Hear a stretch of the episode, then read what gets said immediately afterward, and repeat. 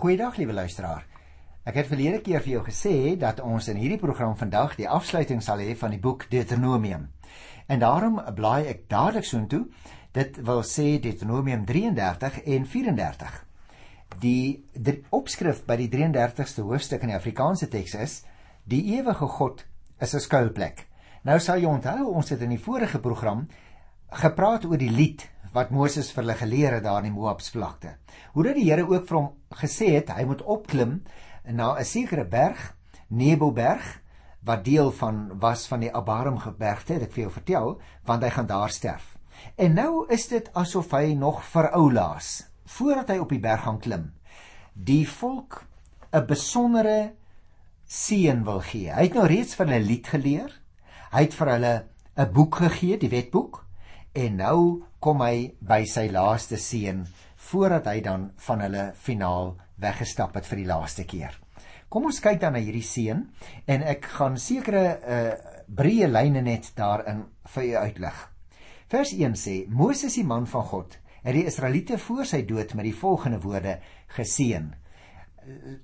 As ek dit lees in die Bybel, liewe luisteraar, is amper vir my soos 'n vader het ou Moses ook hier aangedui uh met die eretitel man van God, nê, nee, het die ouens wat later hierdie gedeelte neergeskryf het hom beskrywe. En die kinders van Israel staan daar het hy dan voor sy dood geseën. Gaan dink maar aan die ou geskiedenis van die aardsvaders ook. Gaan kyk gerus as jy 'n voorbeeld soek in Genesis 49. Daar sal jy 'n uh, 'n soortgelyke voorbeeld kry. Nou in sy woorde word dit hier genoem, word nou 'n toekomsblik aan die volk gegee wat hulle moes bemoedig. En dit dien terselfdertyd ook natuurlik as die aanduiding van 'n nuwe era wat gaan begin. Die seën, moet jy oplet, word ingelei met 'n seënuitspraak oor die hele volk, wat terselfdertyd 'n loflied aan die Here is. En eers daarna kom die verskillende stamme aan die orde, maar nie presies in dieselfde volgorde en met dieselfde aanduidings wat ons dit byvoorbeeld kry in Genesis 49 of daar in Numeri uh, die eerste 2 hoofstukke nie. En ook selfs in 'n ander uh, volgorde as in Joshua 13 vers 19, maar daar steek nie uh, enige spesifieke betekenis daarin nie. Ek wys maar net op die interessante verskillende maniere waarop die 12 stamme nie altyd presies in dieselfde volgorde genoem is nie. Vers 2, hy het gesê die Here let wonderlik op. Luisteraar, hy hy begin weer eers as dit ware by die Here. Die Here kom van Sinaï af. Hy laat van Seir af sy lig oor sy volk kom, laat dit deurbreek van Paranberg af. Hy kom van waar 10 duisende hemelwesens woon, van waar hulle aan sy regterhand hulle plek het. Die Here word as in hierdie tweede vers besing, soos hy hom bekend gemaak het in die woestyngeskiedenis wat nou agter lê, 'n periode van 40 jaar, sal julle onthou. Verskillende plekke word sommer in hierdie tweede vers te gelyk genoem. Sinai, die plek van die verbondsluiting is natuurlik die vernaamste. Seer sal jy onthou waardeur hulle getrek het. Gaan lees maar weer nou as ek 1 daar by vers 2 en ook by vers 44. Paranberg sal jy nog onthou, ergens in die Paran woestyn word bygevoeg uh, as omliggende gebiede in die teks. Die Here se verskyning word duidelik beskryf met verskillende werkwoorde. Hy het gekom. Hy het sy lig oor sy volk laat skyn. Hy het dit deurbreek. Dit is met ander woorde 'n tema wat ons ook ander plekke in die Bybel kry. Gaan kyk maar in Hebreërs 3 vers 3 en 4 sal jy dieselfde beeld kry. Die Here se verhewenheid word omskryf in terme van sy troon in die hemel. Nou staan daar waar 10 duisende hemelwesens woon wat aan sy regterkant hulle plek het. Ag, luisteraar, jy en ek kan ons die heerlikheid van God en selfs die heerlikheid van die hemelwesens nie eens in die verste gedagtes wat ons formuleer werklik voorstel nie. Maar dit is waar Moses begin, by die heiligheid en die ereposisie wat jou en my God beklee. Vers 3 en 4. U Here het u volk lief. Al die heiliges is in u hand. Hulle sit aan u voete. Elkeen luister na u woorde. Moses het ons 'n wet gegee. Dit is 'n besitting vir die volk van Jakob. Jy moet oplet. Tog is die Here die een wat na sy volk toe neerbuig, wat hulle liefhet, wat hulle in sy hand hou. Dis amper soos die Here Jesus, né, wat in Johannes 10 vers 28 sê, "Julle is in my hand." Sê vir die Christene, "Niemand sal julle uit my hand ruk nie." En daarom sit hierdie mense in ons teksgedeelte ook aan die Here se voete. Hulle luister na sy woorde. dit dui op gehoorsaamheid veral in verband met die verbondsluiting. Ons moet dit nooit vergeet nie. En van daar ook die vermelding dat die wet wat Moses aan hulle gegee het, 'n besitting is wat vir die hele volk kosbaar is. Jy moet oplet. Jakob wat dan ook hier vermeld word luisteraar, word gebruik as 'n wisselterm vir Israel. Met ander woorde, as daar oor Jakob gepraat word, dan word daar dus gepraat oor Israel. Nou voordat ons by die volgende paar versies kom, hier vers 6 tot by vers 25, wil ek net 'n opmerkingie uh, maak, 'n uh, opmerking of 3, net ter wille van die breër verband. Want ek gaan dit nie aan alles in detail behandel nie. Ek is nou hierso by uh, Deuteronomium 33 by vers 6 tot 25 uh om net vir jou 'n bietjie 'n oorsig te gee voordat ek by 'n bietjie meer detail kom. En jy sal nou moet oplet in die volgende verse na die verskillende soorte seëninge wat die Here aan die verskillende stamme gegee het by monde van Moses. Hy het vir die een die beste deel van die land gegee. Vir die ander weer krag, vir ander wysheid. En wie luisteraar, ons is dikwels geneig om te dink dat God iemand met 'n besondere gawe meer moet lief hê as wat hy sy ander kinders het. sien dit eerder so dat hy die beste en die mees unieke talent in elkeen te voorskyn wil bring. En al hierdie gawes is nodig om sy plan uit te voer. Moet ons nie jaloers wees op iemand anders se talente of gawes of grondgebied wat die Here vir hom gegee het nie. Raak liewer by hernuwing bewus van dit wat hy vir jou gegee het en besluit dan om dit wat hy vir jou gegee het te gebruik tot sy eer. Kom ons begin dan hier en ek gaan nie almal behandel nie, maar kom ons behandel so 'n paar van hulle. By vers 6 begin hy met Ruben. Ruben moet lewe. Hy mag nie sterf nie. Hy moet 'n groot volk word. Jy moet opmerk Ruben word dus geseën in terme van hulle voortgang. Hulle moet lewe en nie sterf nie. Hulle moet 'n groot volk word. En dit word waarskynlik gedoen omdat hulle op daardie stadium nie groot was as 'n getal nie en elders word hulle selfs beskryf as 'n stam wat besig was om uit te sak. Jy kan maar daar gaan kyk in Genesis 49 vers 3 tot 4 en selfs nadat hulle in die beloofde land ingekom het, gaan lees gerus Rigters 5 vers 15 en 16 en miskien word daardie spesiale seën dus vir hulle gegee omdat hulle min was in getal. Vers 7 die bekende Juda Oor Juda het Moses gesê: "Here, luister na Juda.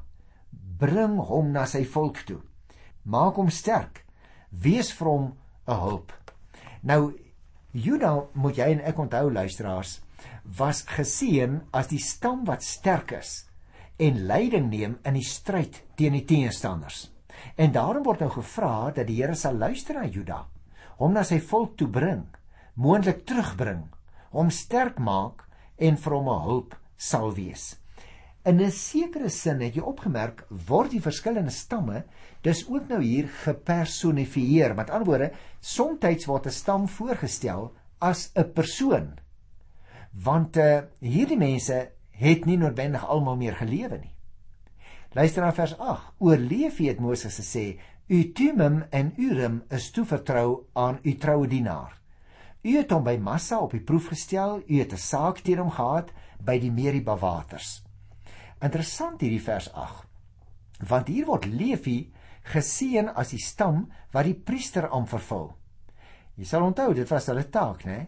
Aan hulle staan nou hier is die Urim en die Tumim gegee. Nou wat was dit? Dit was voorwerpe waarmee hulle die Here kon raadpleeg. Ons weet nie presies hoe dit gelyk het nie. Sommige sê dit was in 'n kussie of 'n klein houertjie wat vooraan uh die hoë priester se bors vasgemaak is en dan was hierdie twee was dit klein klippies was dit edelgesteentjies ons weet nie regtig nie maar dit is gewerp wanneer daar uitspraak gegee moes word op sake wat die leiers van Israel nie finaal geweet het nie en dan afhangende van hoe dit geval het moes hulle daarin die antwoord van die Here lees. Maar dit was nie vir alledaagse dinge nie en ek dink uh, soms maak gelowiges vandag nog daarvan gebruik as hulle 'n belangrike besluit moet neem, dan bid hulle en dan uh, word die lot gewerp. Maar hier is tog iets anders want hierdie was die direkte spreuke van die Here. So die presiese detail daarvan weet ons nie, maar dit is hoe dit gewoonlik gesien word. Luister na vers 9. Hy het van sy pa en ma gesê ek hou eh, nie rekening met hulle nie. Hy het nie sy broers erken nie, sy seuns nie as familie beskou nie. Die mense van Lewi is gehoorsaam aan u bevele. Hulle eerbiedig u verbond. Jy sien, daar word die volk nou ook herinner daaraan naamlik dat by Sinai tydens die gebeure met die maak van die goue kalf, sal jy onthou, het die leviete juis getoon dat hulle die Here gehoorsaam en sy verbond eerbiedig. En daarom is selfs pa en ma en broers en susters nie verskoon en as familie beskou toe hulle in die naam van die Here opgetree het asof hulle die Here dien, maar eintlik het hulle gaan afgode dien nie en die leviete was nie daaraan skuldig nie. Interessant hier in die 13de vers word daar oor die stam van Josef se nageslag gesê. Oor Josef het Moses gesê: "Mag sy land deur die Here geseën word met die beste uit die hemel met dou en met die beste uit die water diep onder die grond, met die beste wat deur die son gegee word." Vers 15 met die beste uit die gryse berge, vers 16 met die beste uit die aarde. Vers 17 sê hy sal trots wees soos 'n jong bul soos 'n sterk jong buffel. Baie interessant. Josef kry dus 'n besondere seën uit die mond van Moses. Enerzijds deur die lengte daarvan, want kyk is baie langer as die ander sinne, né? En anderzijds deur die beklemtoning van die beste. Ek het dit nou net vir jou gelees, van die beste van alles wat die stam toekom. So die stam en die nageslag van Josef het dus nie net 'n beste deel uit die mond van uh, Moses ontvang nie, maar juis ook omdat hulle so 'n besondere rol gespeel het. Want jy sal nog onthou, ou Jakob het twee vrouens gehad. Die een Lia het hy 7 jaar voor gewerk en wou eintlik vir Rachel gehad het toe kry vir Lia. Maar eers toe hy vir Rachel, sy geliefde ene kry, is daar 'n seun gebore en daardie seun se naam was Josef. En hy is die persoon wat uiteindelik deur sy broers verkoop is en in Egipte land beland het. By Rachel se tweede seentjie se geboorte, naamlik Benjamin, is sy oorlede. En daarom waarskynlik dat die stam van Josef so 'n besondere seën uit die mond van Moses ontvang het. Nou goed, ek dink ek gaan hierdie hoofstuk hier laat, liewe luisteraars, want dit gaan oor elkeen se eie besondere seën Behalwe miskien ek wil nog uh, vers 29 doen. Dit gaan goed met jou Israel. Wie is soos jy? Jy's 'n volk wat deur die Here verlos is. Hy beskerm en help jou. Hy gee mag aan jou. Jou vyande kry voor jou en jy sal oor hulle offerplekke stap. Dit lyk so veral vir my as ek hierdie laaste versie 29 lees. Wie soveel seën ontvang, is 'n volk met wie dit goed gaan. Die onvergelyklike Here maak ook sy volk onvergelyklik met die ander volkere van daardie tyd. En daarom word gevra: "Wie is soos jy, Israel?" Ek dink, luisteraars, die belangrikste antwoord is dat hulle 'n volk is wat deur die Here verlos is. Hy beskerm hulle. Hy help hulle. Hy gee hulle mag oor hulle vyande, selfs die offerplekke van die afgode sal Israel nie kan stuit nie. En dit bring ons dan luisteraars by die heel laaste hoofstuk van die boek Deuteronomium.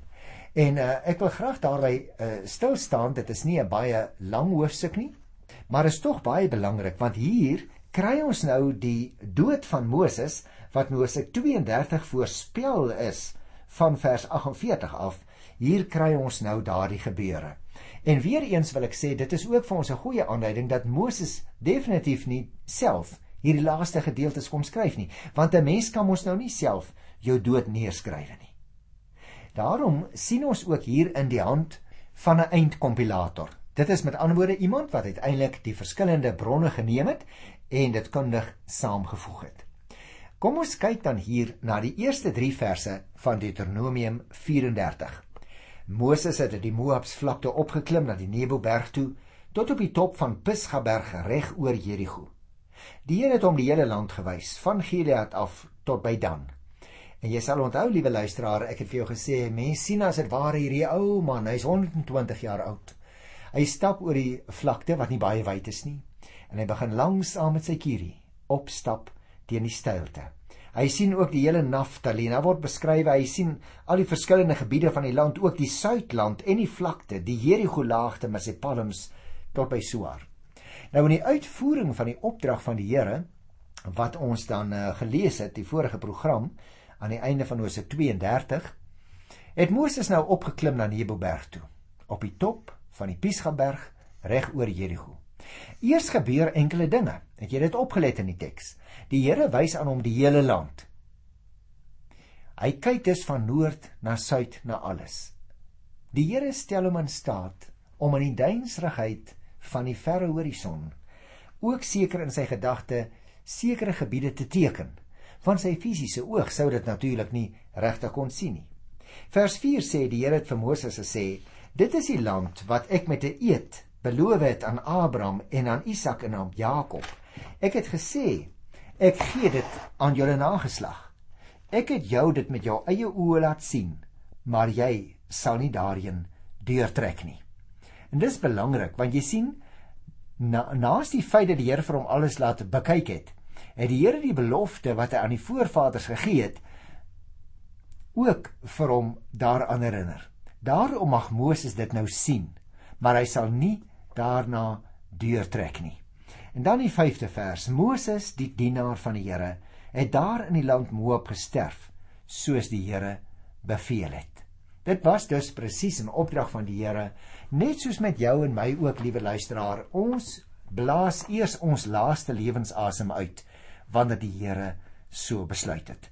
En daarom hoef ons regtig ook nie reg in eie hande te neem en ons eie lewe te neem nie. Ons kan maar wag tot die Here vir ons op sy tyd huis toe roep. Vers 6 sê: Die Here het vir Moses begrawe in 'n vlakte in Moab reg oor by Peor, maar tot nou toe weet niemand waar sy graf is nie. 'n interessante opmerking. Tot nou toe weet niemand waar sy graf is nie. Dit is weer eens vir ons 'n aanduiding, liewe luisteraar, dat iemand anders as Moses self wat na Moses geleef het, want dit staan tot nou toe weet niemand waar die graf is nie. Iemand anders het dus hierdie laaste opmerkings hier vir ons neergepen. Vers 7: Moses was 120 jaar oud toe hy gesterf het. Sy oë was toe goed en sy krag het nog nie ingegee nie. O dat Moses se sterwe die gevolg is van die Here se bevel en nie vanweë ouderdom en siekte nie. Dit word duidelik onderstreep deur die gegevens dat hy wel 120 jaar oud was, maar dat sy oë nog goed was, dat sy krag nog nie ingegee het nie.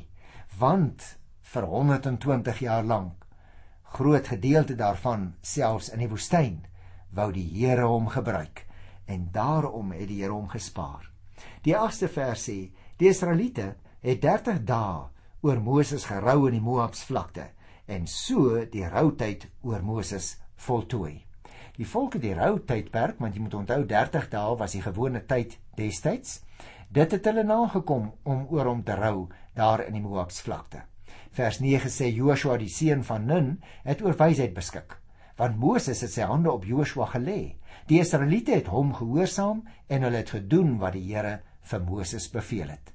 Nou hier kom sy opvolger Joshua nou vir die eerste keer sterk daarvore.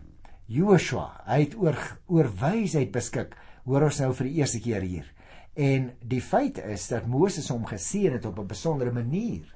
Dit beteken nie dat Moses wysheid ingestort het in uh in Joshua en die luisteraars, dan kry ons te maak met wat in teologie genoem word die gratia infusa, asof wanneer iemand byvoorbeeld gedoop word, daar besondere genade ingestort word in daardie persoon of hy nou groot of klein is. Dis nie wat Moses gedoen het nie. Hy het net sy hande op hom gelê, maar die wysheid kom van die Here af. Daarom interessant. Jakobus skryf ook in die Nuwe Testament: As iemand wysheid kortkom, laat hom dit van God bid. Gaan lees gerus in Jakobus by die eerste hoofstuk. Dit bring ons dan by die 10de vers. Daar het nie weer 'n profeet in Israel opgetree wat soos Moses was nie. Hy het die Here persoonlik ge geken. Jy sien in die slotgedeelte word Moses nou in die algemeen beskryf. Hy was 'n profeet wat tot hierdie boek voltooi is nog sonder gelyke was, want hy het die Here persoonlik geken. En dan vers 11 en 12.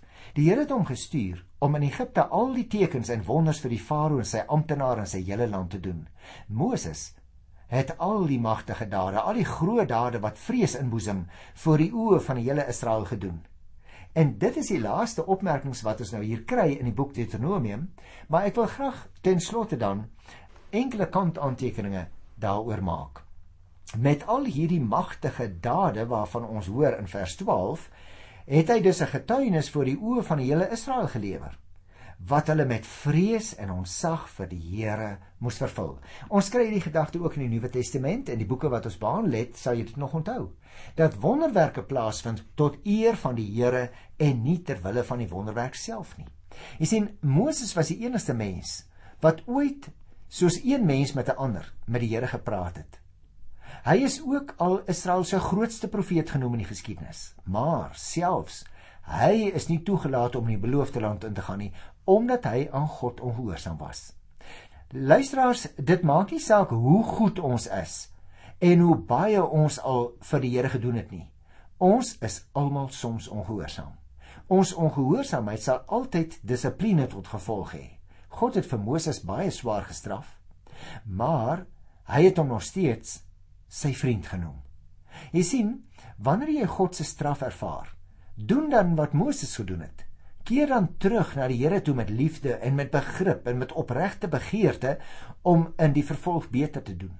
Moenie in woede of in verleentheid of met 'n gevoel van ontoereikendheid en mislukking die rug op die Here keer nie. Daarom is dit juis nodig dat hierdie gedeelte oor hierdie goed met ons praat. Dalk is daar iemand wat vandag na die woord van die Here oor die radio luister en sê maar maar ek wil weghardloop van die Here af. Nee. Nee, hardloop juis terug na hom toe. Kyk na Moses. Die man wat te bang was om na Egipte toe te gaan omdat hy swaar gepraat het. Onthou jy nog Eksodus 4 vers 10? Dit was juis die man wat die drie boodskappe wat in die boek Deuteronomium opgeteken is afgelewer het. Dit is daardie boodskappe wat vir ons aangeteken het en wat ons nou 'n hele klomp programme oor gepraat het. Jy sien, liewe luisteraar, God het hom in staat gestel om van 'n hakkelende skaapwagter tot 'n volksleier en 'n kragtige spreker te ontwikkel. Deur sy dapperheid en sy nederigheid en die wysheid het die Hebreëse slawe in 'n sterk en 'n magtige volk ontwikkel. Moses het egter nie te veel waarde aan sy eie sukses geheg nie. En hy was tot aan die einde God se beste vriend.